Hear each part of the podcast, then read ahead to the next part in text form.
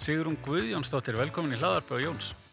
Bara, það er mín ánæg. Gaman, gaman að fá þig. Ég, hérna, við vorum að tala um það hérna fyrir upptöku að, að hérna, ég hefur oft uh, sagt frá því að margir hafi ekki hérna, vita hvað podcast væri þegar ég byrjaði á þessu og, og hérna, núna var það mikið breytt en, en nú fyrsta skipti er ég með einhvern sem hefur gert margfald fleiri podcast það eitt heldur en ég.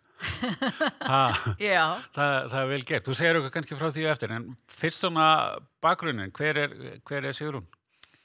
Hver er Sigrún? Stóra spurningin. stóra spurningin. Uh, ég hafði alltaf stóra drauma Ok. sem lítil stelpa Mm og uh, foreldra mínu voru ekkert endilega að halda aftur af mér og svo sá ég konu verða fórseta Ok, þegar ég var nýja já, ára. Já, já, Þá, þá var ég alveg eh, klár á því að konur getu allt. já, já, En svo þegar ég var 16 ára þá fór ég á saumanámskeið.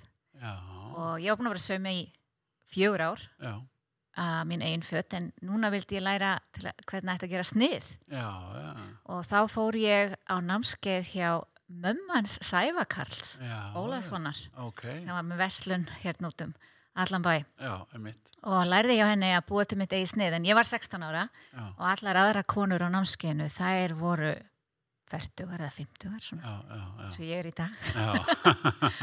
Og þær sögðust allar ekki hafa látið drauma sína rætast. Já, og þetta hafði gífurlega áhrif á mig.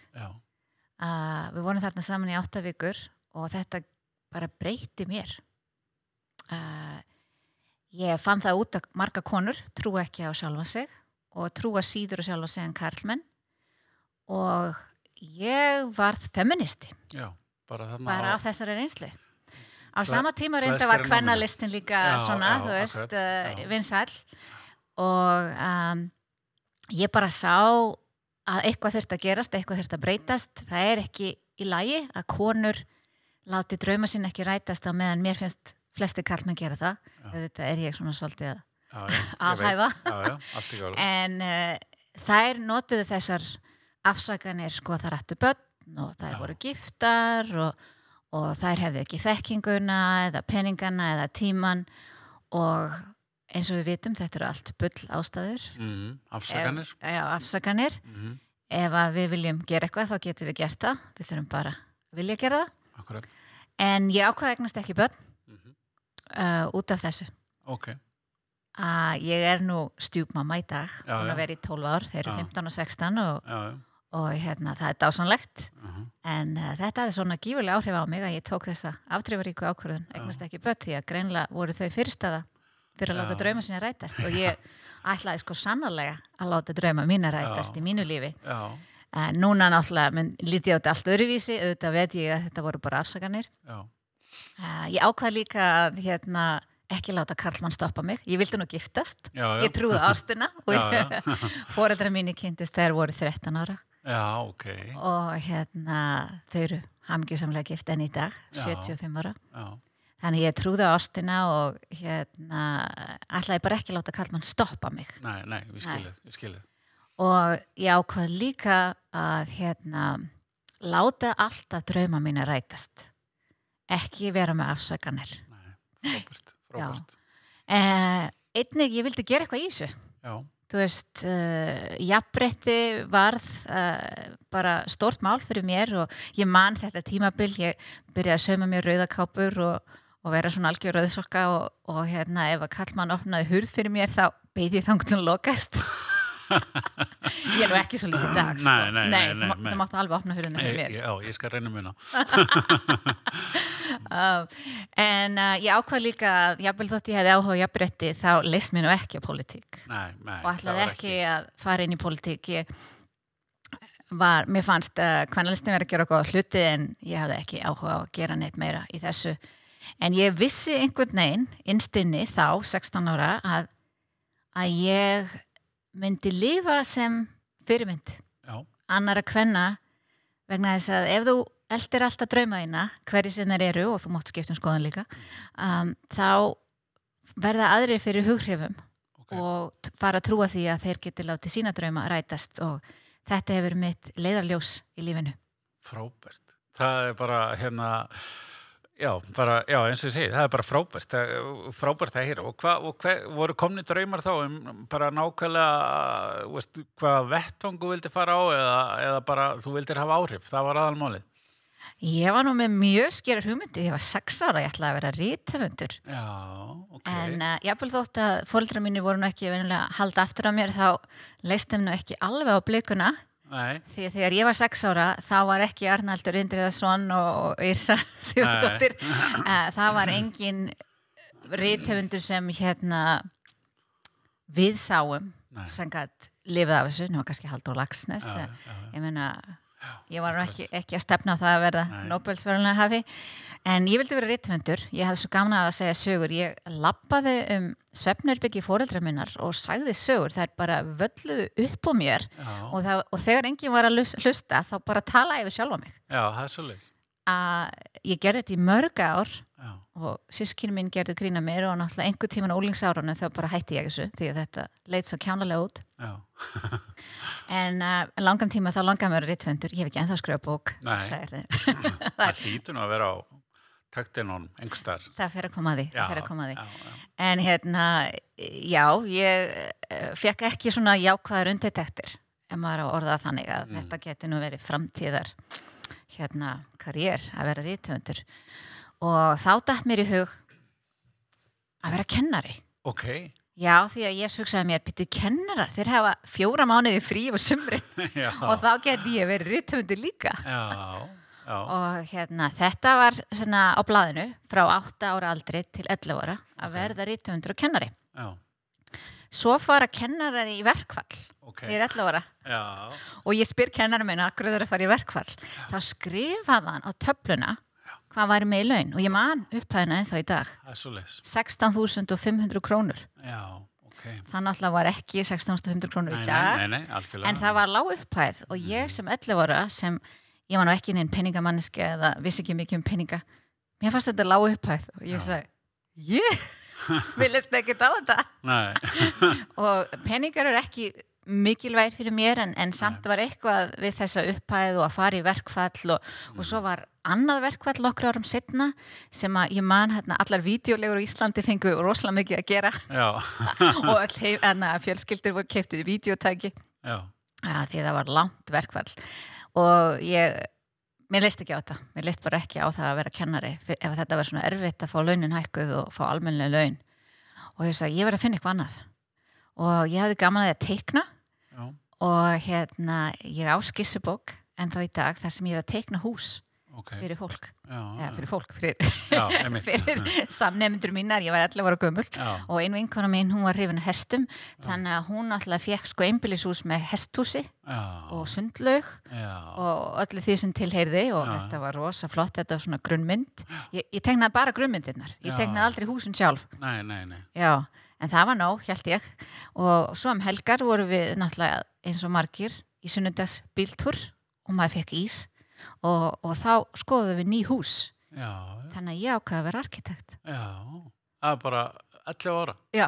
ok, vel gert. og sama ár fórum við hérna til Suðu-Þískalands í- til Freiburg og Tittise og Svartaskó og ég ákvaði að læra þar. Já, já, og þannig að fyrir næstu nýju ára eftir var ég bara já, ákveðin ég að læra þísku og, og farið til Þískalands í nám. Og ég gerði það. Já, það er vel gert. Og lærðir hérna arkitekt.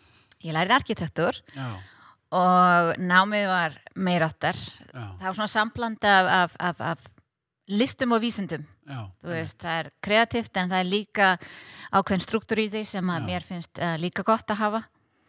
En uh, ég fór að vinna með námi uh, og það var indislegt að vinna fyrir hérna Finn og Hilmar. Þeir voru bara alveg æðislegir kallar Já. sem að í rauninni kendi mér heilmikið arkitektur þegar ég Mm. kom hérna á sumurinn til Íslands Já, En uh, ég sá líka uh, slæmu hliðarnar. Uh, það var voðalega lítið af tímanum sem fór í nýja hönnun. já.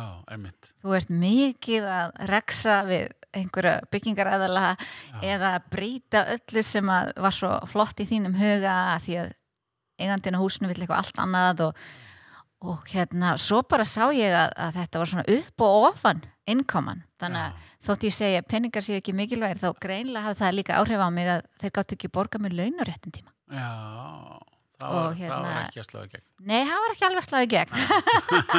Þótt að skipta með einhver máli sem, sem nemi búandi heima fóldrum mínum en hérna það var svona upp og ofan, ég sá þetta var svona eins og þú veist, mikið að gera og þá kaupir bíl og sjónvarp Já, og lítið að gera þá getur ekki borga sjálfum þeir laun og, Já, já. og ég var sennilega að leita einhvers konar öryggi sem er voðalega skrítið þess að ég er frumkvöld í daga þar sem að kannski öryggi er ekki eins Nei, en, en á þessum tíma fannst mér öryggi og, og hérna, fjárhagslegt öryggi mikilvægt og, og svo var það annað, internetið kom.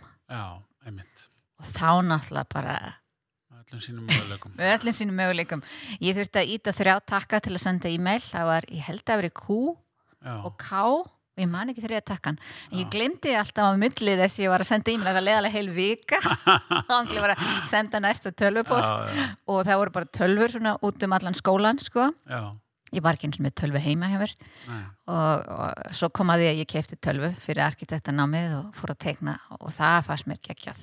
Já, og, en internetið greip minn hug allan og ég gætt tekið þó nokkur valfög í tölvunafræði já, og hérna ég fann það síðustu tvö árin í arkitektanáminu að þetta væri ekki það sem ég ætlaði að gera. Nei, og ég ætlaði að fara út í eitthvað meira spennandi það sem er eitthvað Já. nýtt í hverju viku Já. svona eins og interneti. Já, og loka verkefni mitt í arkitektur var þrývíður markmiljonarheimur já, já, þetta er 98 já, er og þannig að ég var að gera þrývitt og ég held bara þrývitt var málið. Núna Já. bara, þú veist, erum við komin í virtual reality og augmented reality og allt þetta.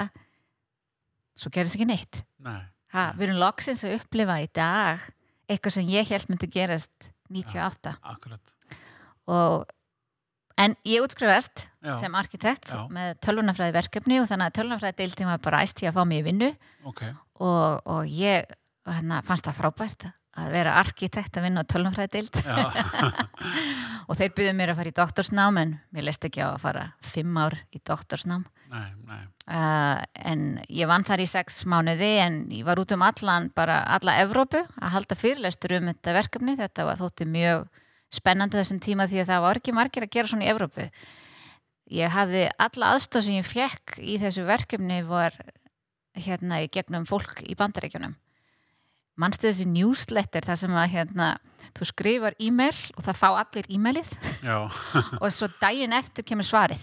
Já, það er svolítið svona ekki sama sami hraði og í dag þar sem nei. allast til að fá svar í kvelli en þetta var meira áttar upplifun og bara opnaði nýjar viti fyrir mér og allt í einu og einni ráðstöfnu hitti ég fólk frá hérna ETH í Suri sem er bara eitt virtasti háskóli í Evrópu. Ok, svona eins og MIT já, bara svona tækni, tækni háskóli og eitt sá virtasti. Og þeir sáu verkefni mitt og buðu mér í nám. Já, já, á styrk. Ok, og ég elska að elda mína drauma og stundum veit ég ekki hver drauma mínir eru og nema ég fæ einhverja hugmynd og þarna var fólk að bjóða mér upp á eitthvað æventýri og ég bara sagði já. Já, og, og hérna skellti mér í þetta. Og þetta var einsárs svona undirbyrningsnám fyrir uh, doktorsnám ef þú vilt fara í það eða bara einsárs nám ofan á já, og þetta var sambland af arkitektur og tölunafræði og alveg meiri háttar gaman. Já, það var rosalega gaman að vera í þessu námi. Uh, við vorum bara fjögur ok, sem fórum í þetta nám og við fengum að gera bara allt. En þetta var algjör tölunafræði ég lærði nýtt forritunamál og ég var að forrita og þetta var allt í þrývít og við vorum með þrývítar prentara. Já, þetta var, gert, þetta var 99 já, sko. Akkurat, og það var bækur skrifaður um verkefnin sem við vorum að gera og þetta var bara eh, mér fannst ég eins og ég var komin inn í nýja vitt bara ég vissi ekki að þessi heimi væri til nei, og þetta var opbáslega spennandi. Já, en auðvitað langt frá raunveruleikanum hvað er hægt að fá vinnu við á Íslandi. Já, já, ég var farin að huga því að fara tilbaka já, langaði að fara heim, já, báðar hérna ömmur mínar Mm. höfðu fallið frá á meðan ég var í námi Erlendis og það var nú ekki svo auðvelt að fljúa fram og tilbaka. Maður fór bara í sumafrí og jólafrí og það þótti ég að byrja mikið. Og það, ég var með rosalega háar upphæður í símreikning. Það var nú gott þegar interneti kom og gæti fara að hérna, senda e-mail en uh, ég var farin að sakna þess að, hérna, vera ekki hjá fóreldri mínum og svo sískinu mín voru farin að eigna spötn og, og ég var farin að huga heim og, og hugsaði mér hvað hva get ég unni við? Já, ég kom með þess að nýjur vittir og Já. ég reyla ekki arkitekt lengur en ég er heldur ekki tölnafræðingur og hérna ég fekk mjög spennandi starf hjá Landmat. Já. og þar var blúsandi ferð þetta var kringum 2000 öll fyrirtæki að ráða áhugavert fólk, það var já. eiginlega sama hvaða gráðu þú hafðir, þú gæst fengið vinnu eða varst bara með eitthvað svona áhugavert í hérna farteskinu. Og fljóðlega var ég deildarstjóri við deild sem var að uh, setja fram upplýsingar. Okay. og ég kallaði mig Information Architect. Já, flottu tíðil Já, sérstaklega því ég var arkitekt sko. Já, einmitt. Og ég passaði mig samt að hérna, fá löggildingun á Íslandi. Ég vildi svona hafa hann í farteskinu til öryggis ef, ef ég skildi fara tilbaka já. það var orðin frekar óleiklegt á þessum tíma. Ég var komin svo langt í hugsun frá arkitektur en hérna, já, svo fór ég að vinna í landmatt og það var í tvö ár. Og þá mistu flestir vinnuna sérstaklega fólk sem var vel launað og ég var, hafði verið sniðu að fá góð laun. Mm. og þá hérna var námskeið hjá frumkvöðlauði það var síðasta ári hjá þeim. Og þegar ég missi vinnuna þá er þetta bara akkurat á sama tíma að ég sé auglist námskeið hjá þeim. Og þetta er námskeið það heitir einu frumkvölaauður, já. Já þar sem þú ert, sko þetta eru 160 klukkutímar, þetta var þryggja mánu námskeið, tvö kvöld í viku þú fórst í háskólinni í Reykjavík og mættu kl. 6 og, kvöldmættur innifalinn sem var volast neðt fyrir konur mm. uh, og ég fór þetta námskeið og bjóti viðskipta áallun í ráðgjöf í vefmálum já, já. ég hafi verið rosalega upptekinn af hérna notendavætni hönnun já. og ekkert endilega í þrývít heldur bara tvívít mm -hmm. og að setja fram upplýsingar á þann hátt að fólk skilji þær. Og hérna ég lærði að búið til viðskipta áallun og ég var með hópi og með sýstu mín og vinkunum með mér. Við þurftum að vera svona teimi en svo þegar kom að því sko að kannski stopna fyrirtæki þá þá fekk ég hérna cold feet eins og maður segir einsku já, sko. já, já. ég, þú veist, ég hef búin að missa vinnuna ég átti ekki endilega pening uh, ég, mér leist ekki alveg á það. Þetta var, hérna segi, þetta var 2002 og þetta var ekki rétti tíminn fyrir mig. Nei. og ég tók samt viðskipta áallununa og fór með hana í inn. Það var veffyrirtæki sem er ekki til einhver með þremur ennum. En þar var sýstum mín að vinna og henni fannst rosalega gaman að vinna þar. Svo ég fara fór og hitti frangatastjórun og sagði, heyrðu, get ég ekki fengið vinni hjá þér? Hérna er viðskipta áallin hvernig þú getur byggt upp vefdeilt eða sem sagt, þetta var fefi fyrirtæki en þeir voru ekki með sérstaklega ráðgjöf þannig að ég fekk vinnuna út á viðskipta áallin og þótt að væri ekki verið að ráða á já, þessum tíma. já, já. velgert já. Og þannig komst ég inn í, í hugbúnafyrirtæki og ég held núna, ó, ég verði að læra tölumfræðis og ég passaði að ég fór í námi vinnu tölunafræði í Háskóla Íslands. Og eftir eitt ár hjá inn sem svona verkefnastjóri og ráðgefi, aðalega verkefnastjóri ef ég á að vera alveg heiðarleg með það að þá hérna er allt inn fyrirtæki selt. Jón Ólafsson seldi allar sínar eigur á Íslandi. Já, já. nú er hann komin í vatni þannig að hann er komin aftur til Íslands en á þessum tíma þá áttanstöðu tvö og, mm. og mörg önnur fyrirtæki. Og hann var eitthvað full sannlega út í skattin og seldi öll sín fyrirtæki. Og þetta kom í frettunum að sannlega hefði Jón Ásker keift öll þessi fyrirtæki en uh, ég mætti bara í vinnuna og það var búið að selja okkur og Já. enginn talaði við okkur okay. Æ, þetta var minnsta fyrirtækið í þessum flota fyrirtækjum Já. og í nokkra vikur talaði enginn við okkur ok Og þeir bara mættuðu það? Við mættum og heldum bara fram mætti vinnuna en alltaf var Frankandi stjórið þarna sem hérna, var að vinna fyrir Jón Ólafsson og það var nokkuð ljóst fyrir mig að hann færi því hann var svona mjög tengdur honum. Já, já, já. og ég fór að fá þessa klikkuðu hugmynd að ég geti bara orðið Frankandstjóri Ok, vel gert. Já, og ég var ekki sem sagt búin að læra viðskiptafræði og ég hefði aldrei ekki fyrirtæki áður. Og ég hefði rétt svo verið yfirmaður yfir tveimur starfsmönnum áður. Það var svona mín, mín reynsla. Mm. en ég bara fekk þessu hugmyndu og stundum fær maður svo góður hugmyndir og, og jafnvel þótt maður ítið mér burtið þá komaði bara aftur og aftur og aftur. Og það gerist með þessu hugmynd og ég segi það er eitthvað í þessu, ég verði að skoða þetta. Og fyrst spurði ég náttúrulega sýstu mína því hún var að vinna þarna líka. Ég segi, hva, hvað finnst þér að ég sækjum starf frangtstjóri bara go for it, sagði hún. Já, og flestir sem ég spurði sagði bara já, gerðu þetta. Og ég vissi ekkert hvort ég fengi já eða neitt en hérna ég fór bara hérna á baugur.is og, og fór að tekka hvort ég þekkt einhvern sem innliðar því ég þekkti ekkert til þess að fólk sem átti eh, baug. Þá var að vinna þarna um, dóttir Ólaf Ragnars Tinna, Ólafsdóttir. Og við höfum leikið okkur saman þegar við vorum lilla stelpur, það er fjagur ára aldursmunur en við höfum leikið okkur saman þegar við vorum svona 6, 8 og 10 ára. Voru svona í næsta húsi. Og ég segi, heyrðu, ég ringi hana og, og segi henni að hérna, hvort, hvernig ég ekki sækjum ég vissi ekkert hvernig þetta sækjum því. Það var engin auglýs eftir frangatastjóra, það var bara búið að selja fyrirtæki. Þannig að ég ringi hana og hún mann eftir mér og hún segir þú skrifa bara okkur tvekja blað sína memo um stöðu fyrirtækin sem og hvað þú sér fyrir þér að, að það sé hægt að gera við þetta fyrirtæki. Og ég sest niður og skrifa. Og ég hef ekki aðgangan einum fjárhagsupplýsingum eða neitt, þannig að ég skrifa bara það sem ég veit. Mhm. ég er sem betur fyrir í tengslu með alla viðskiptavinni og veit mjög mikið um fyrirtækið og, og vöru þess en ekki svona kannski fjárhagslega stöðu. Og ég sendi inn þetta memo og svo heyrist ekkert að líða nokkra vikur og ég tek einn dag frí til að læra undir próf Já, að því ég er í tölnumfræði akkurat. Og ég held að ég mitt verið prófi í notenda Já, í notenda miðari hönnun.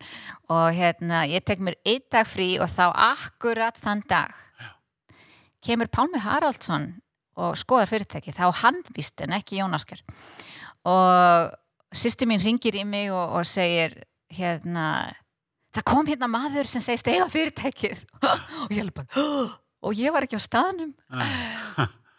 Og ég held að stundum vitu við alveg hvað við um að gera í einhverju augnabliki þótt að það sé ekki þetta er svona gut feeling, þetta er svona intuition, Já, svona insight og ég bara fekk þessa insights tilfinningu að ef ég myndi ekki gera eitthvað í þessu þennan dag þá væri þetta tækifæri, ef þetta var tækifæri bara farið. ok. Þannig að prófið fór út um gluggan Já, ég man ekki hvernig mér gekk í prófunu sem var Nei. næsta dag. En ég hætti að læra því ég gæti ekki hugsað um neitt Nei. annað en að ná sambandi við hennar mann sem ég vissi ekki hver var. Fyrst ringdi ég bróðum og sagði hver er þessi maður? Og hann sagði já, ná fyrirtæki sem á banana og eitthvað. Og ég ringi þangað og segi ég þarf nöðslega að tala við hann, get ég fengið farsímanúmerið? Og fyrst var nöð ekki á því að ég fengi farsímanúmerið. En svo hérna gæti ég samfært þau að þetta veri alveg nöðsynlegt og ég fekk farsímanúmer og ringi og, og, og, og hérna ég, ég virkilega þetta er mikilvægasta símtal sem ég hef átt á æfiminni það er svo leis já. Já, og ég, ég bara ég fekk þá tilfinningu að þetta væri það. Já, og ég tek upp síman og ringi og, og ég ert þú með blaðið mitt, ertu með memóið? Það var eiginlega fyrsta sem ég vildi vita já, því vild, ég vildi vita að hann vissi hver ég væri já, og ég hefði skrifað þetta. Já. og hann var með blaðið. Ok. Og þá sagði hann bara, komdu og hittu mig eftir hálftíma. Já. og ég gerði það, hann mæti með lögfræðing Nú, og ég, og ég get ekki svara helmingan spurningunum sem þeir spurja mig þannig að ég var alveg bara þetta er nú glada sko, ég, ég fæ ekki þetta starf Nei. ég get ekki svara öllum spurningum. En til að gera langa sér stutta þá fekk ég starfið. Ok. Vegna þess að honum fast frábært að ég hefði bara beðið um starfið án þess að hafa reynslu og þekkingu. Já, einmitt. Og bara þekkjandi fyrirtækið og vera svona, já, bara forvart Já. Já, hann hefur verið sátt við það. Já. svo kom í ljós að þetta fyrirtæki hefði verið að tapa peningum í hérna sjö ár. Já, og hérna þannig að í staðin fyrir að taka við fyrirtæki og þú veist, allt svona á jákvæði nótunum og, og, og gera það sem ég langaði að gera þá fyrst fór bara allt allir minn tími og orka í að sjá hvernig ég geti snúið þessu fyrirtæki við. Og ég hafði náttúrulega enga reynslu fyrirtæki rekstri. Uh, en ég gerði bara það sem ég fannst common sense, ég fór og skoðaði alla reikninga fyrirtækins nokkur ár aftur í tíman ég skoðaði hvað er þetta fyrirtæki að eða peningum í. Mhm. og ég sá að við áttum mjög dýrmæta viðskiptafinni og bara eitt dæmi við skuldum lífeyrisvaskreislur til Ok. tveggja ára sem er sko þá að loka fyrirtækjum sem gera það. Já, en einhverjum ástöðum var ekki búið að loka fyrirtækinu. En hérna lífeyrisgreislunar fóru til kaupþings. En á sama tíma var kaupþing viðskiptavinnur okkar þannig að ég fekk þessa briljant hugmynd. Ég fekk fund með kaupþing og segi, heyrðu, hér er staðan. Við skuldum ykkur penning Já, sem enginn er að rökka okkur um einhvern veginn, ég skildi ekki. En við verðum að borga þetta lífeyrissjóð. Getum við gert samning þannig að alltaf þegar ég sendi ykkur reikning þá fer helmingurinn til að borga lífeyrissjóðin og helmingurinn fæ ég peningum þess að ég þarf líka að borga laun. Ok, þeir samþættu það. Já, og ég var mjög svona kreatív já. Hvernig ég fjall fólk uh, fjall, fjall fyrirtæki til að fella niður dráttavexti ég sagði ég skal borga þér svona mikið í dag og ég borga svona mikið eftir tvo mánuði. Og hérna þetta bara þetta var bara orðið hérna sport hjá mér. Hva, hvernig, hvernig gæti ég náð samningum? Og það fengu allir sitt. Já, frábært. það komu nokkra stefnur og það var ekki eitthvað skemmtilegt en, en það gerist náttúrulega að fyrirtæki er í kröggum. En þú bara, ég varð mjög góð í að semja og allir fengu peningi sinni tilbaka og 11 mánum þá snýr ég við fyrirtækinu Já, ok. og þá hringdi Pálmi mig og sagði Sigrun, viltu vera fórstjóri teknival? Já. Vel gert. Það var nú erfiðari saga Mm. þannig að ég hafði eitt klukkutíma til að ákveða mig Já, og daginn eftir var ég fórstjóri teknival ok. Og ég skildi fyrirtækið eftir í góðum höndum hjá sýstu minni Mm. en ég held áfram að vera já. og ég fór yfir í tæknumál og það það var fyrirtæki sem var búið að vera í taprekstri örgli 15 ár sko. Já, já. og við erum að tala um miklu, miklu hæri fjárhæðir og flóknari fyrirtæki. Ég meina að reka hugbúna fyrirtæki sem framleiði sinn eigin hugbúnað og selur til viðskiptavina sem nota þann hugbúnað er ekki flókið fyrirtæki rekstur, þannig séð. Nei, En að komi fyrirtæki þar sem að þú kaupir vörur frá aðilum alltaf á heiminum, þú ert með smáveruverslun, þú ert heildsali, þú ert með fyrirtæki þjónustu, þú ert með verstaði, Já, þú ert með lager. Þetta var allt annað batteri og ég hefði ekki átt að fá þetta starf. Að ég sá fljótt að þetta var eh, bara alltaf mikil en, eh, alltaf mikil fyrir mig persónlega, ég viðkenn það alveg en líka bara þessi fyrirtæki var ekki við bjargandi nei, nei. Nei, þóttu hefði fengið einhvern snilling þarna inn sem Já. hefði sko verið vanur því að snúa við fyrirtækjum og, ára, ára tuga reynslu, þá hefði það verið frekka vonlist líka Já. fyrir þann aðila. Já. En þetta var krasskurs í MBA fyrir mig, áður en ég fór að- í MBA. Ég lærði allt um lagustjórnun og innkaupastjórnun Já. og, og reyka smáveruverslun og, og markasærfyrir og gera ölsingur og hver, þetta, í næstu 15 mánuður var góði skóli, svolítið dýrskóli því að við vorum að tapa penning og, og þarna ég rak fullt af fólki þegar ég fekk æfingu í að reyka fólk. Uh, en uh, eftir að higgja þá hefði ég átt að reyka fleira fólk. Já, og ég hefði átt að taka aftrývaríkari ákvarðanir. Þú skerð ekki niður fyrirtæki bara með því að reyka einn og einn starfsmann. Nei, nei, nei. Nei.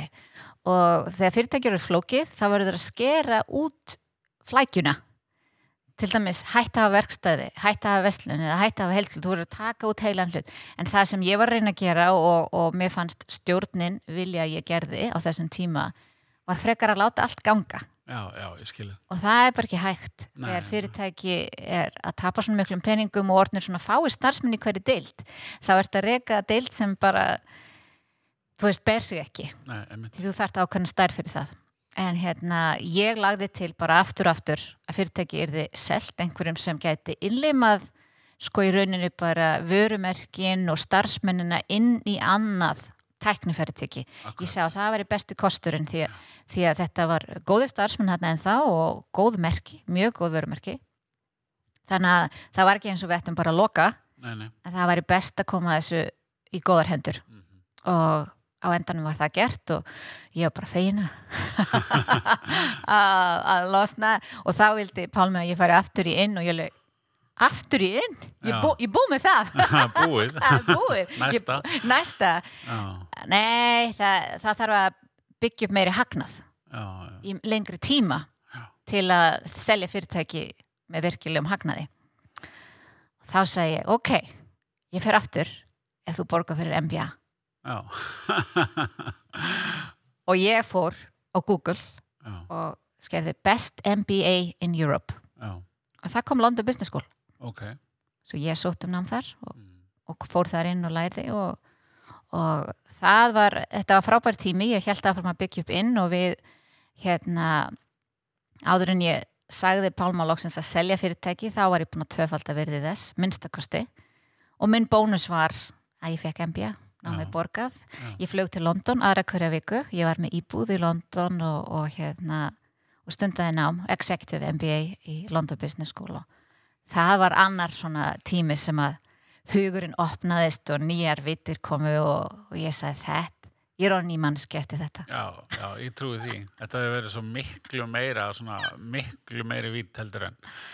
algjörlega, ég meina ég var þarna með fólki sem að átti fyrirtæki eh, átti mörg fyrirtæki eða var kannski fórstur í banka í Rúslandi þú veist, þetta var alveg bara algjörlega nývitir og ég fór að hugsa öðruvísi um það sem ég geti gert í lífinu ok. Þannig að þetta hefur verið annar vendipunktur eins og uh, klæskera námið. algjörlega, Já. algjörlega Já, Já, og, og að fara til Sviss ég held að það er svona, já, ég held að þetta er svona þriðji vendipunkturinn í, í lífinu mínu, já, pluss það, þetta símtal, náttúrulega. já, akkurat, akkurat, akkurat.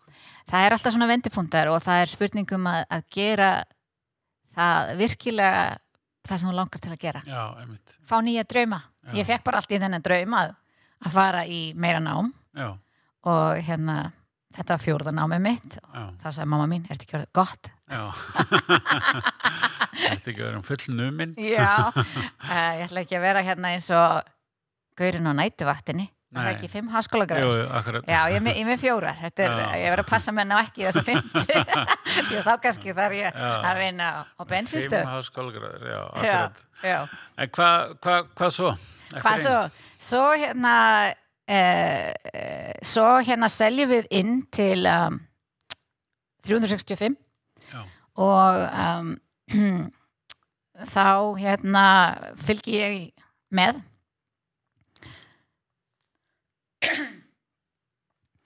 og hérna það var ekki lengi að þeir ákvaða að selja aftur fyrirtæki bara hálfa ári setna til uh, kögunar já, sem nú í rauninni er Advania. Já. og hérna þá breyttust aðstæður mikið. Vegna þess að ég var búin að reka inn bara sannlega orðin fjögur ár hann á þessu tímabili eins og mitt eigi fyrirtæki. Já, einmitt.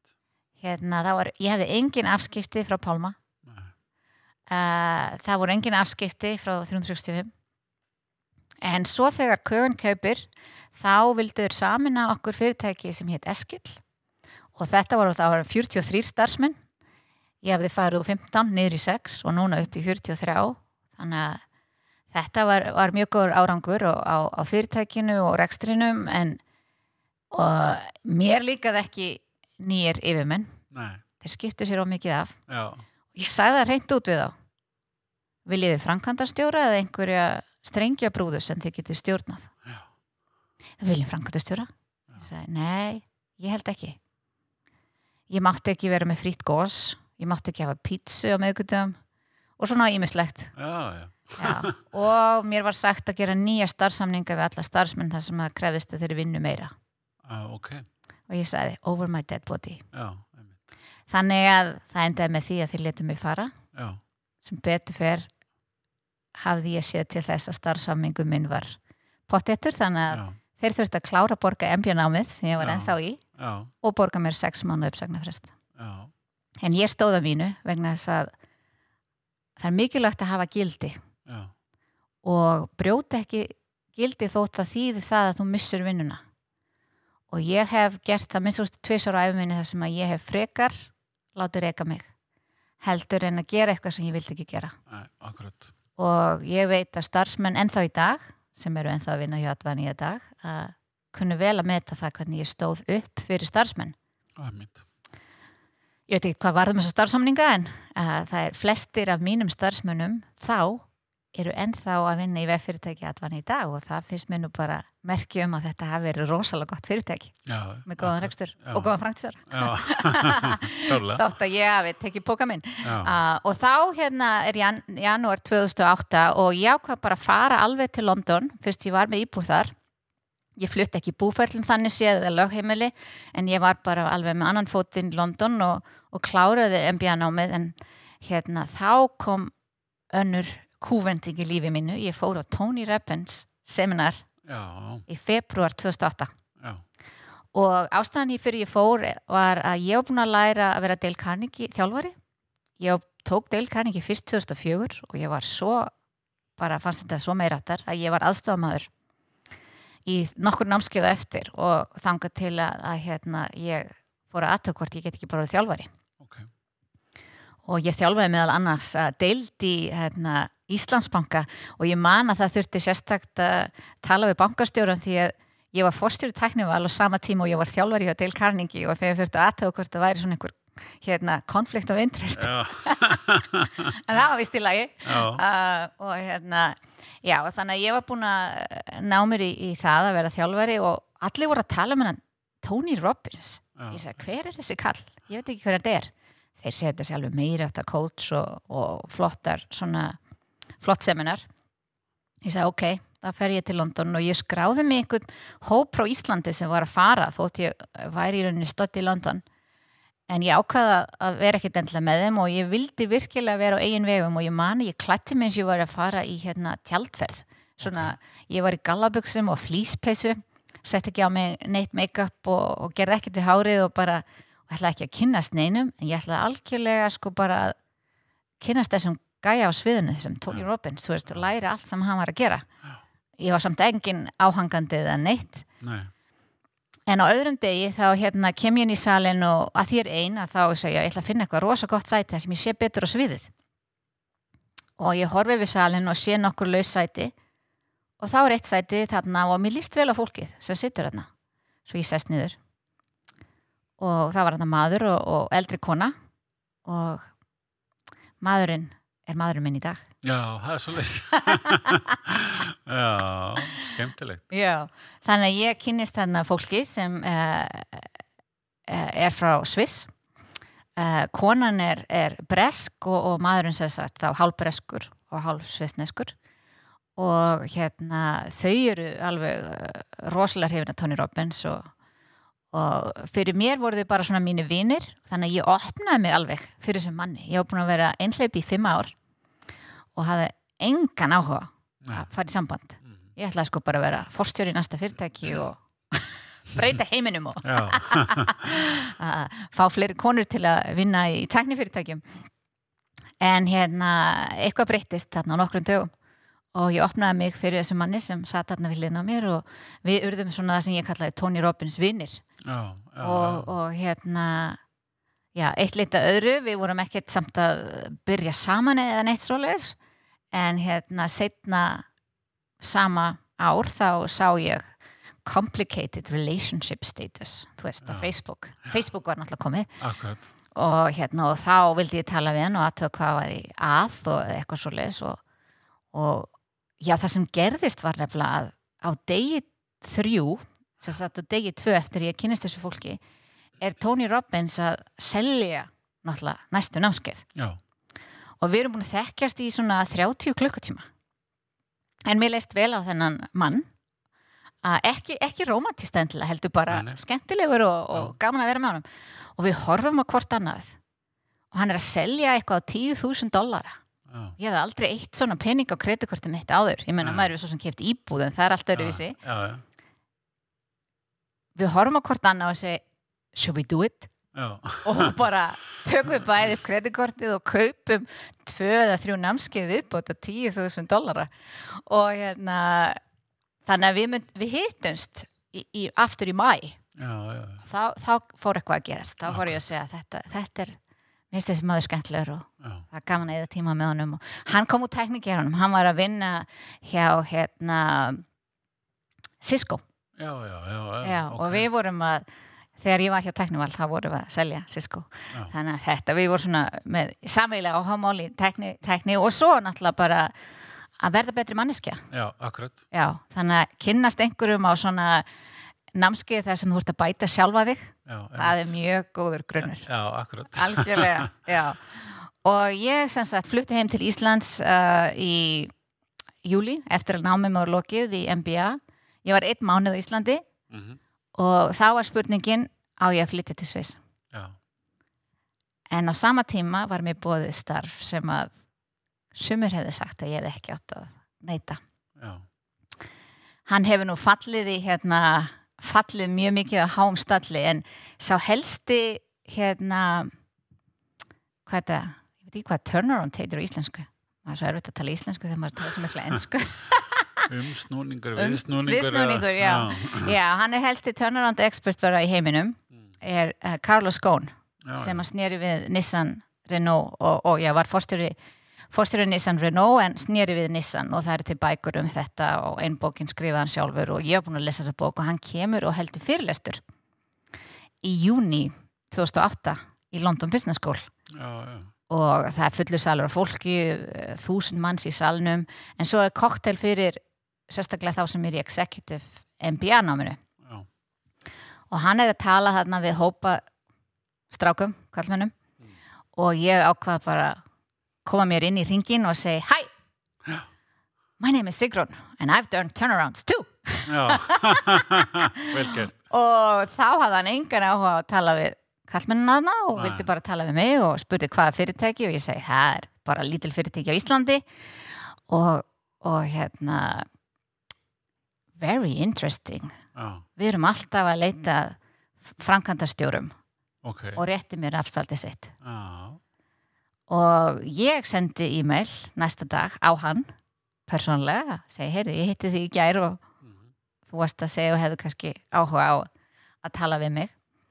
Og auðvitað fekk ég aldrei svar frá honum en nei, nei, mér var búið í viðtal til Parísar og til Sviss. Og svo fæ ég símtal í ágúst.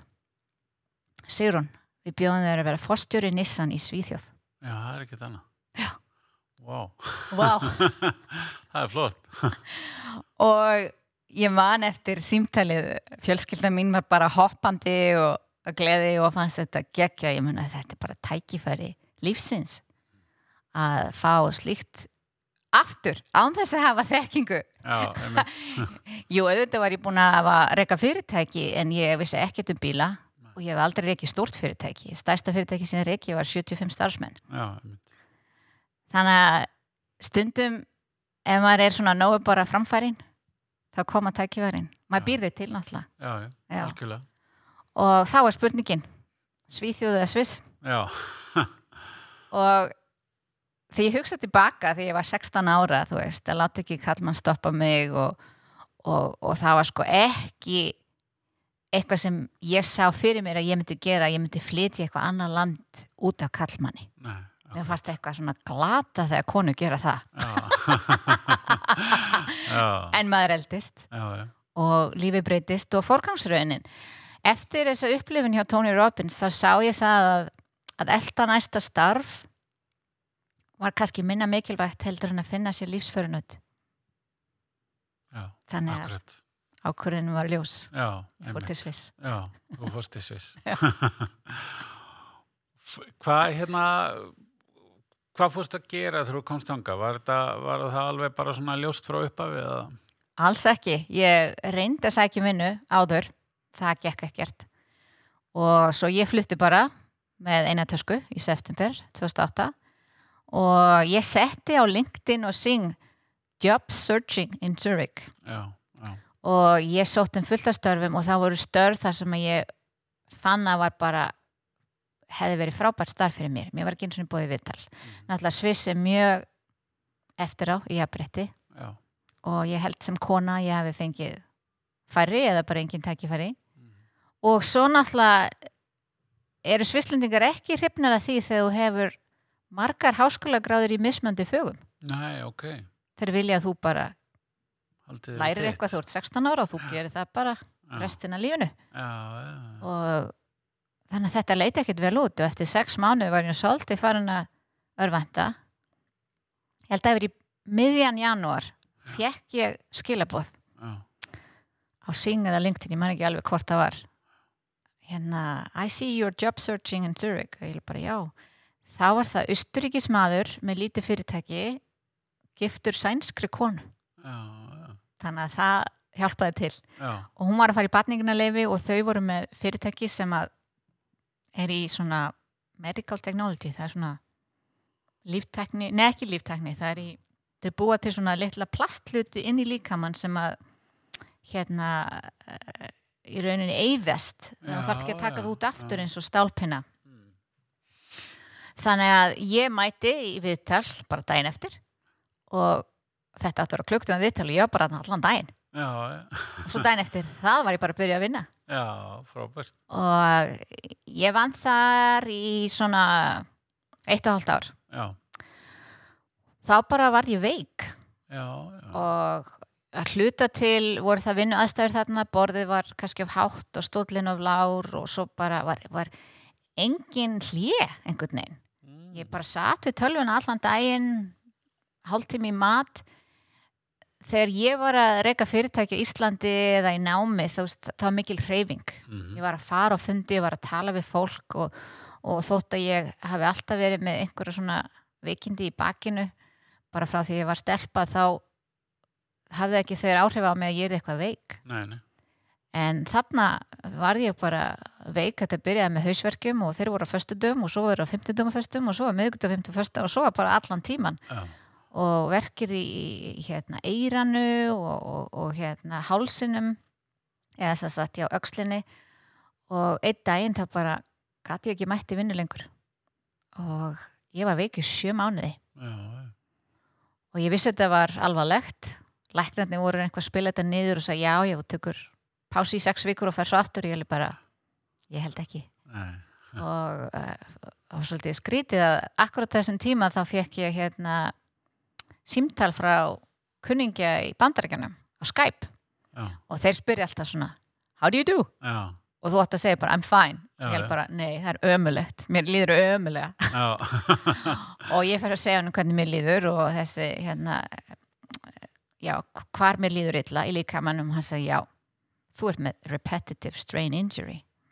Já, já, hann sagði mér bara hvað ég var já, með. já, þetta er ekki viðkjönt í Sviss og Íslandi. Nei, en uh, þetta er viðkjönt í Bretland og Bandrækjunum þetta er oft fólk sem hefur kannski eitthvað fyrirlikjandi eins og ég, þú veist, baki á mér var ekki alveg beint eða svona þegar ég var unglingur og, en svo bara er það þetta álags af tölvevinnu og, og ekki að, þú veist ekki rétt vinnu aðstæða já, og þannig að þetta var nokkuð augljóst fyrir honum en þegar þú ert búin að gera eitthvað rámt í langan tíma þá tekur líka langan tíma að laga það. Já, akkurat, og ég prófaði alls konar nutt og, og gönguferðir og ég veit ekki hvað og hvað og það var ekkert að virka og ég var alltaf með höfverk og ég var farin á magaverki af öllum þessum töflum sem ég var að byrja já, þá var það ein kona sem var að nutta mig sem spurði, hefur þú prófað þetta teip hérna?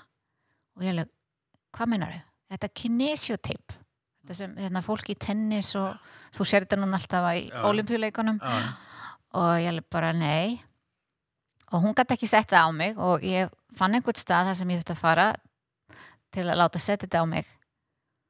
Ég, ég sverða innan nokkra klukkutíma fór mér að liða betur. Já, það er ekki það að teipi gerir það eitt sér en allt sem ég var að gera áður að ganga hverjum degi, fara í nutt tegja, þú veist sitja rétt við skrippborð það fór alltaf að virka.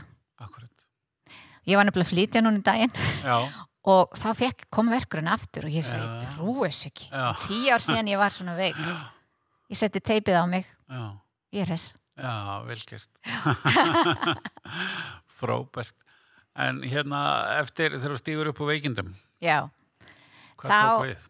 þá hérna ég er þau létu mig náttúrulega fara fólkið, ég var búin að vera veik í mánuð eða tvo þegar þau sögðu mér upp. Mm. og daginn áður en þau segja mér upp þá ringir uh, Íslendingur í Sviss í mig og spyr hvort ég vil vera hérna svona country manager eða svona þú veist uh, yfir starfstöð í Sviss fyrir Íslands töfbúnafyrirtæki og ég segja hann hvernig mér líður, kemur í ljós að hann er með sama ok. sjúkdóm Ok, þannig að það var bara samkóla millir okkar að ég myndi láta mig batna og leið og ég gæti gert eitthvað kannski unni nokkra klukkutíma á dag að þá getur ég byrja bara sem verktaki Mhm. og þegar ég væri orðin full frisk að þá er ég launamaður þannig að ég stopnaði fyrirtæki í Sviss fyrir þetta íslenska hugbúna fyrirtæki og byrjaði þessa starfstöð og það, þá upplefi ég að vinna heima hjá mér já, ok. Því að meðan ég var veik þá fór ég nú að hugsa um lífið og tilveruna. Já, einmitt. að þegar maður er veikur að því það heilin var ekki veikur heldur bara líka minn að þá hefði ég mikinn tíma til að hugsa og ég hugsa að þetta er komin tími til á mitt eigi fyrirtæki. Já, ég vissi bara ekkert hvað það var. Nei, og þegar maður er veikur er kannski ekki heldur besti tími til að stopna fyrirtæki. Nei, ekki endur. veist, nei, ég var á sjúkra bótum og, og þú veist uh, gat ekki setið við tölvu nema hálftíma á dag. En, það, en hugurum var orðin meira tilbúin en, en nokkur tíman áður. Já. Svo fekk ég þetta tækifæri að, að, að, að stopna þetta fyrirtæki á, að, í Sviss fyrir, fyrir, fyrir Íslands töfbúna fyrirtæki og, og vinna heima hjá mér. Og ég bara, mér fannst það eðslegt Já, ég er mjög gaman af fólki, ég er mjög félagslind og ég er extrovert en, en mér fannst svo gaman að vinna heima já, og geta farið í göngutúr hvenna sem ég vil og geta byrja að vinna kannski bara tíu mótnana, ekki nýju og, og, og, bara, já í rauninni stjórna mínum tíma algjörlega. Já, og þannig að þetta ágerðist og þeir voru í hérna, endurfjármögnun eða svona voru að fá en fjárfesta og ég fór að hjálpa við að skrifa viðskipta áallun það sem snýri að Sviss og ég, þegar ég sá alla tölurnar og svona ég náttúrulega hafði verið að snúa við fyrirtækjum og akkurat. mér finnst mjög gaman að Excel mjög gaman að Excel, að finna út hvernig er hægt að reka fyrirtæki betur. Og ég sagði, þið verið bara ráða einhvern ódýrar heldur en mig. Já, það var svo leys. ég lagði til að ég er í rekin. Já, aftur, gildi mín að, að hérna að vera bara trúf sjálfur mér að ef ég sé að fyrirtæki á ekki að hafa mig í vinnu þá, þá segi ég það uppátt og þótt að það þýði það að ég misti vinnuna. Þannig að þá var ég búin að missa vinnuna tvisar og tveimur árum og búin að vera veik í sjömanni þannig að veist, þetta var nú bara nokkuð augljóst að, að ég ætti að stopna mitt eigi fyrirtæki. En ég var alltaf að ég var alltaf að leita þessu fullkomnu einmitt. og ég held að það sé bara algjör vittlisa uh, ég fann það út að það er best að byrja. Já, ég misti rosalega tíma því að í rauninni ég misti vinnuna þarna um, um hausti 2011 og það er ekki fyrir 2013 ég stofna fyrirtæki Já, nei fyrir ekki, ég missi vinnuna 2012 um hausti og ég stofna fyrirtæki 2013 en þá fer ég í svona hefðbundna viðskiptaraðgjöf Já, já, já. Það, og mér fannst það hundleðilegt og ég hefði gert það áður ég hef skrifað mikið að viðskipta állanum fyrir íslensk fyrirtæki sem Já. fengu styrki hérna þú veist, og það hefur verið bent á mig og ég hef verið svona gert það alltaf til hliðar og, og mér stað svo sem gaman en þú sérð aldrei neitt hvað gerist eftir á. Nei, akkurat.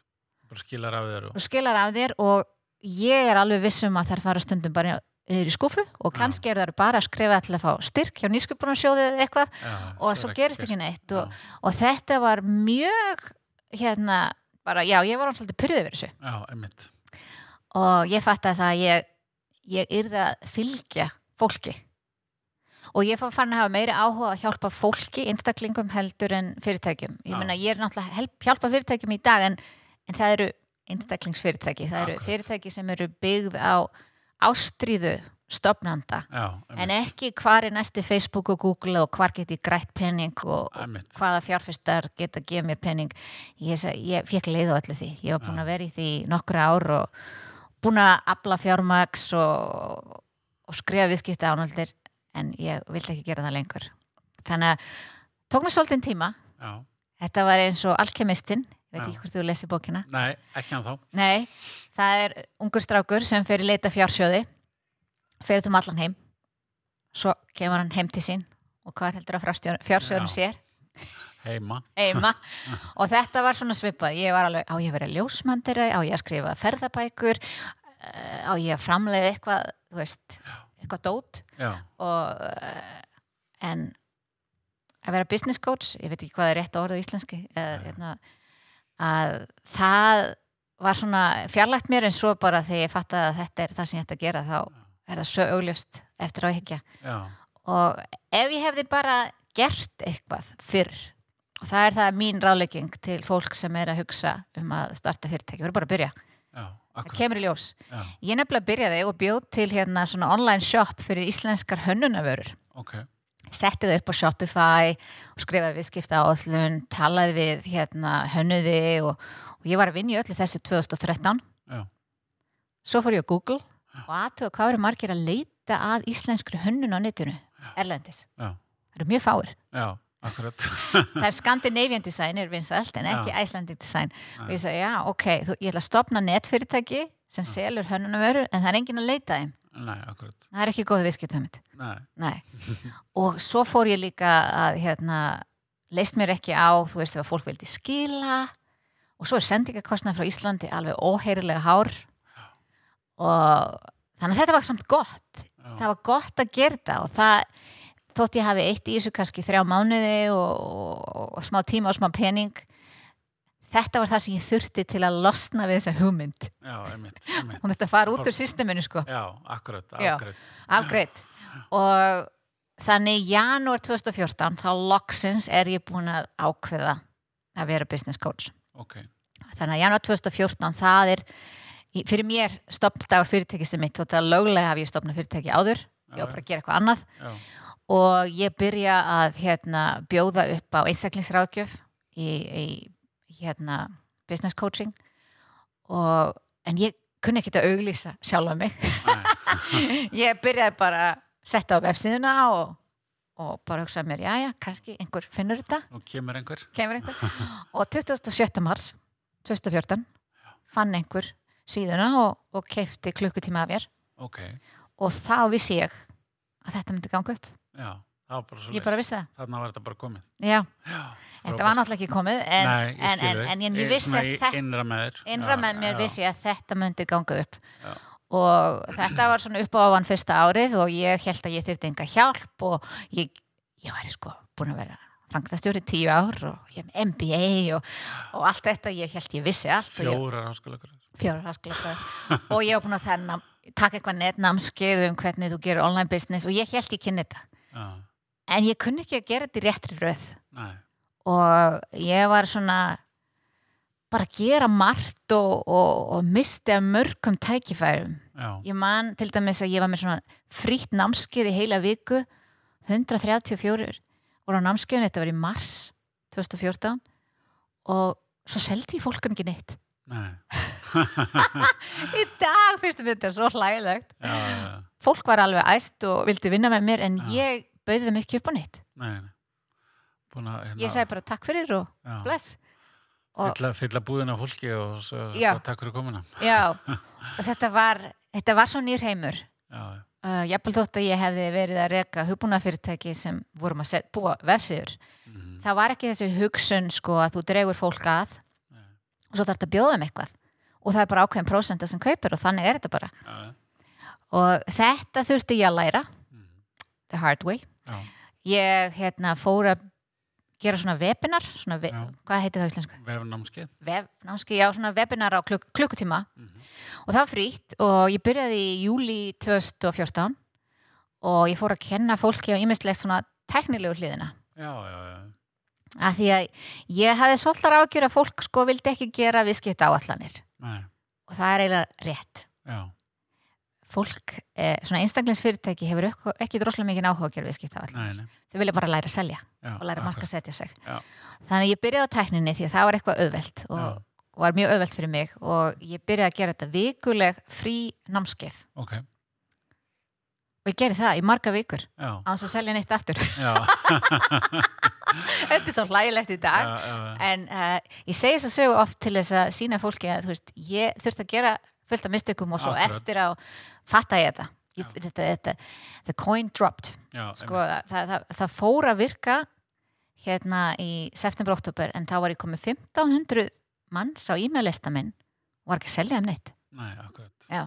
já, og þá réð, mér, réð ég mér business coach frá Ástralíu sem kendi mér launching eða svona markasherferð þú veist, þú færð fullt af fólki á einhverja fría þjálfun og svo býður þeim að kaupa eitthvað. Mhm, þetta er raunin mjög einfalt. Já, en, en þú er samt að gera það og, Já, og, og, veist, og, og klára það. Já, ekki akkurat. byrja bara og, og, og, og hlaupa svo í burtu þegar kemur að því að, að bjóði upp á eitthvað til sölu. Nei, nei, en það furðulega var að þegar ég borgaði henni ég man þetta voru 5.000 dólar þetta var rosalega peningu fyrir mig á þessum tíma. já, og ég var að borga þetta með kreditkortinu og ég vissi ekki hvort ég fengi peningin tilbaka uh, ég fekk e-mail sama dag.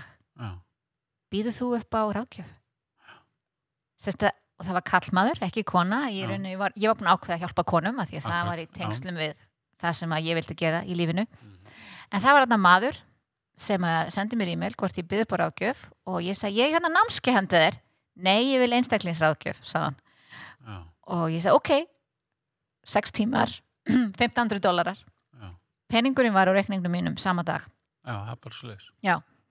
en það var einhver sem þurfti að byggja um það Já, og hafa fyrir því.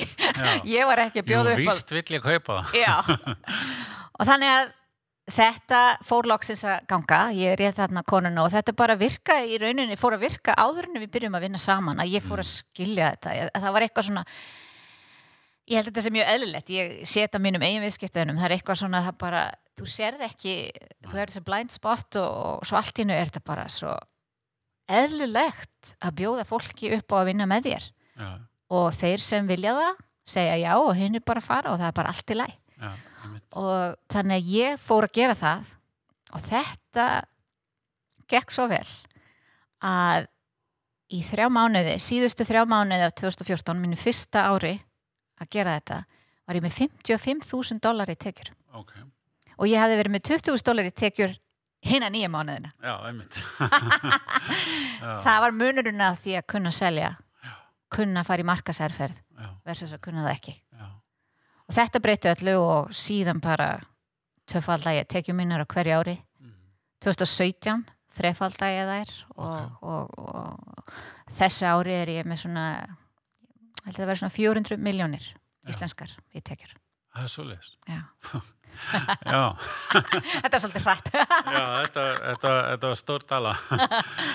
Hvað, hérna, hvernig, hvernig fer þetta fram? Hvernig, hérna, nú, að því á okkur litla Íslandi, að þá er það svo oft þannig að, að hérna, við þurfum einhverja hjálp eða eitthvað aðstóða, þá ringi við í nonna frendi eða siggu frengu eða eitthvað. Eh, Frekar en að bara kaupa þjónustu hjá fagfólki í svona einstaklingsráki. Hvernig, hvernig virkar þetta? Já, það hefur nú komið fyrir að ég fá e-mail og, og posta, ég reyna að passa nota íslensku. Uh, fá tölvupósta og skilaboð frá í mitt Íslendingum sem vilja hitta mig á kaffihúsi og, og fá aðstóð já, og uh, ég þarf að senda eða aðstofa fólk stundum sendir mitt, ég er líka með íslenska konu í vinni hjá mér Já, sem svara þá íslensku.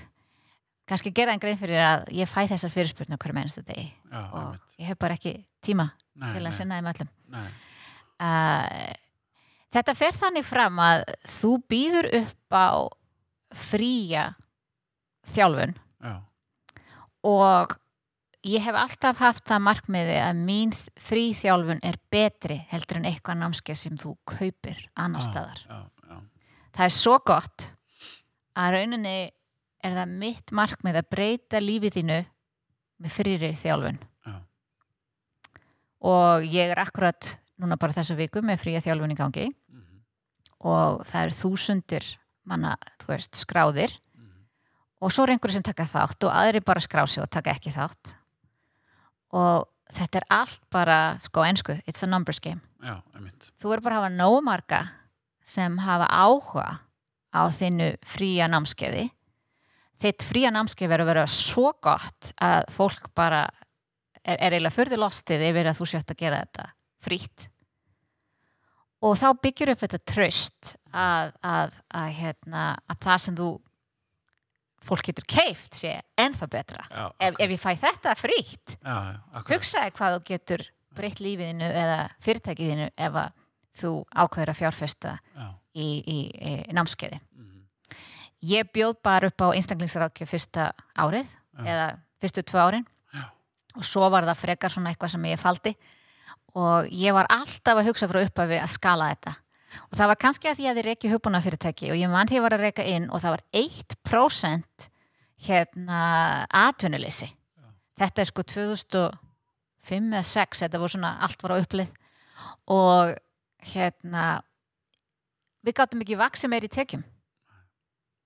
Að því gæti ekki ráði fleiri fóruðara já, em, og það ákvað ég að ég ætla ekki að láta koma fyrir mig. Nei, ég ætla að byggja upp fyrirtæki sem væri minna byggt upp á fólki já, og meira byggt upp á skalanleika þannig að ég geti hjálpað meira fólki á sama tíma án þess að tapa gæðanum Mm. ég er með fullt af fólki vinnu samt í dag já, já, en ég er líka með fullt af já, sem vinna fyrir mig. Já, og bara nokkra klukktíma á viku Mm. og ég get alltaf þeir, þeir, þeir berjast um að fá þá að vera aðstofaminn á námskjánum mínum. Já, þannig að ég hef þar endalaust púla fólki.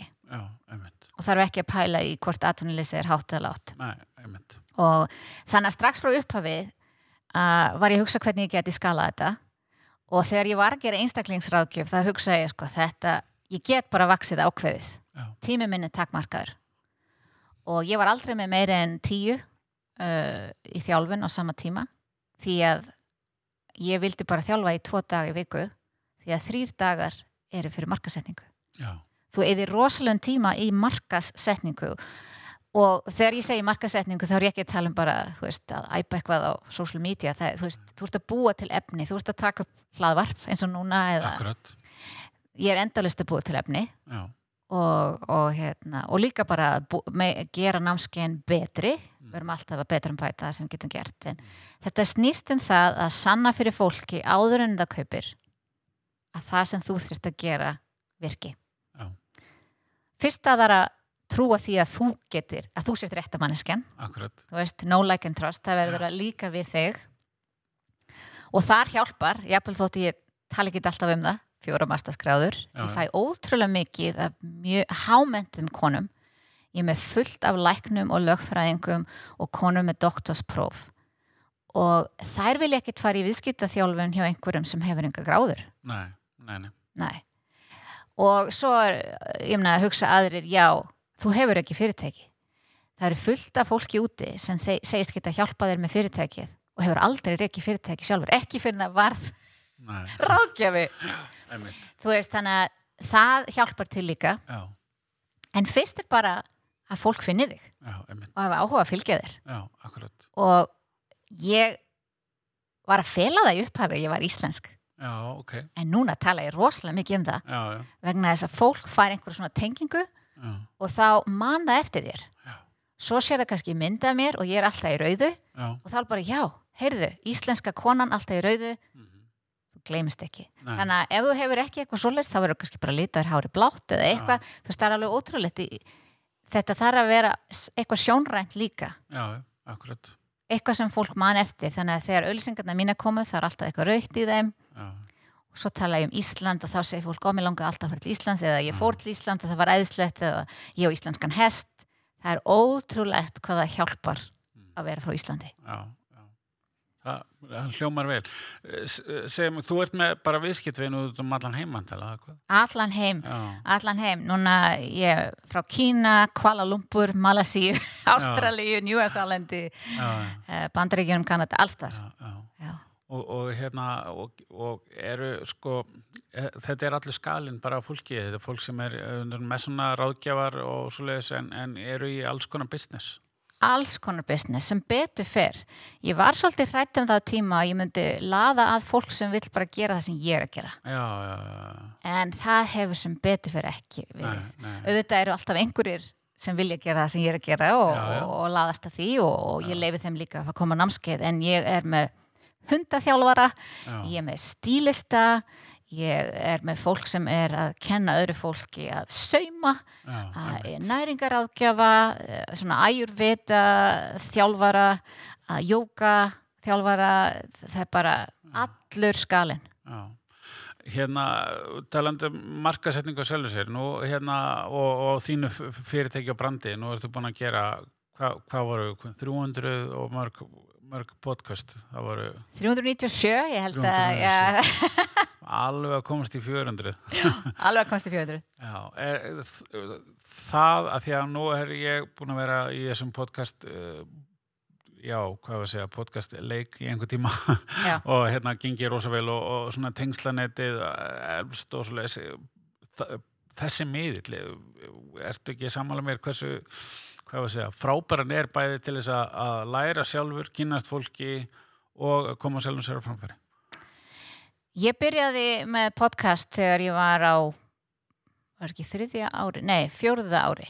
Já, Ok. já ég byrjaði þess fyrir þekki mitt 2014 og ég ákvaði að byrja podcast uh, það var í águst 2017 og ég gerði 100 uh, þætti á 100 dögum Já, sæl til að, til að koma mér á framfæri og til að verða góður. Já, hérna, sagt, ekki viðmælandi heldur spyrill. Já, Uh, mér, voðalega- mér finnst voðalega gaman að tala eins og já, kannski tekja eftir.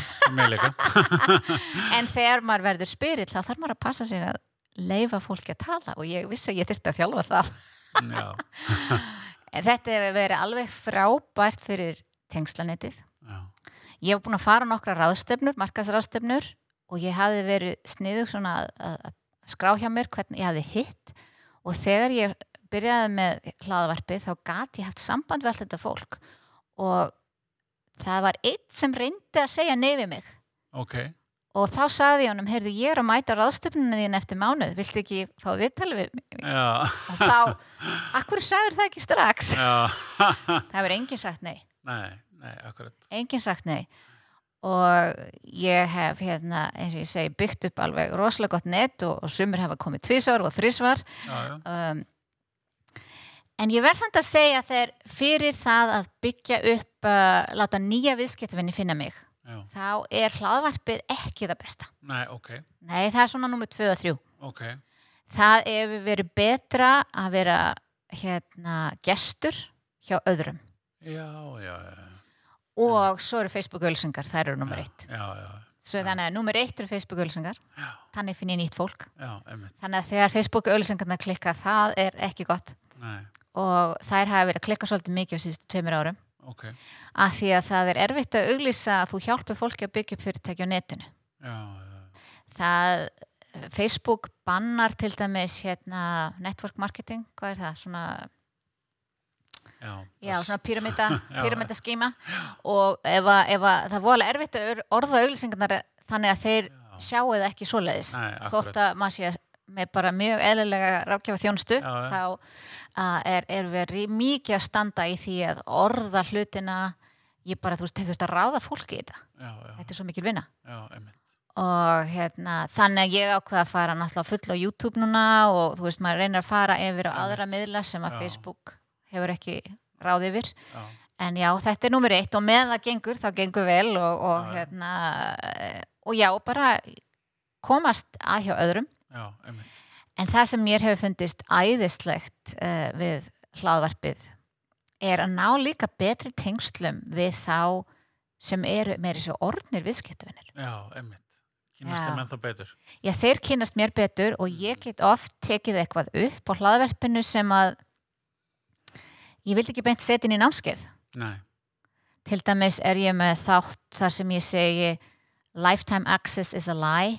Mhm, því að margir halda ef þeir kaupa námskeið á netinu þá eigir að hafa aðgang til eilíðar já, einmitt. Og þegar ég er að kenna fólki að þetta sé ekki rétt aðferðin og þú ætti kannski bara að gefa tólmána aðgang að þá, já, en þessi sagði það og þessi sagði þetta. Hlusta á þennan þátt þannig að stundir nota ég þættina svona bara, ok, hlusta á þennan já, þátt ég þekki þá. Já, herðu, hérna þetta er búið að vera alveg frábært. Mér er bara mjög ánæður og gasta tíma til þess að- að koma við hjá mér því ég er með þessi podcast hérna, auðliti til auðliti sem svo er rættum aðan ég er ekki yfir netið ennþá en það hlýtur nú að koma að því. Þannig að ég er mjög ánæður og það ekki tíma til að koma og, og stápa hjá mér hérna. Fyrir þá sem að vilja kynna sér betur þína þjónustu og hvað er sigurún.com Það er sigrun.com, ég var svo snið að kaupa lénið 99 Já, velgert Já, ég var að reyna að kaupa eitthvað voða flott lén. Ég var í þrývitinni þá sko. Já, og það var Matrix var uppáhalds bíómyndin. Já, mitt en öll lén sem ég datt í hug voru upptökin. Já, og þau sem er, já já, en nafni mitt. Já, einmitt það er nú, sko það, það myndi kosta mig miljónir í dag já, já, að kaupa þetta af einhverjum. Já, og ég akkurat. geti örglega ekki fengið það því það er eitthvað Sigrún Holding fyrirtæki í Asíu. Já, en uh, besta leginn til að kynast mér eins og við vorum að tala um, hlaðvörp það, þetta er frábær leið til að kynnast fólki. Og áður en þú kaupir einhverja þjónustu þá finnst mér að þú eigir að hlusta á manneskuna og Akkúrat. kynnast henni og, og aðtuga hvort að þér líki við hana. Já, og hvort þú treystir henni en á endanum snýst þetta um að treysta sjálfum sér já, einmitt. Æðislegt. Sigurum, takk kærlega fyrir komina. Takk fyrir mig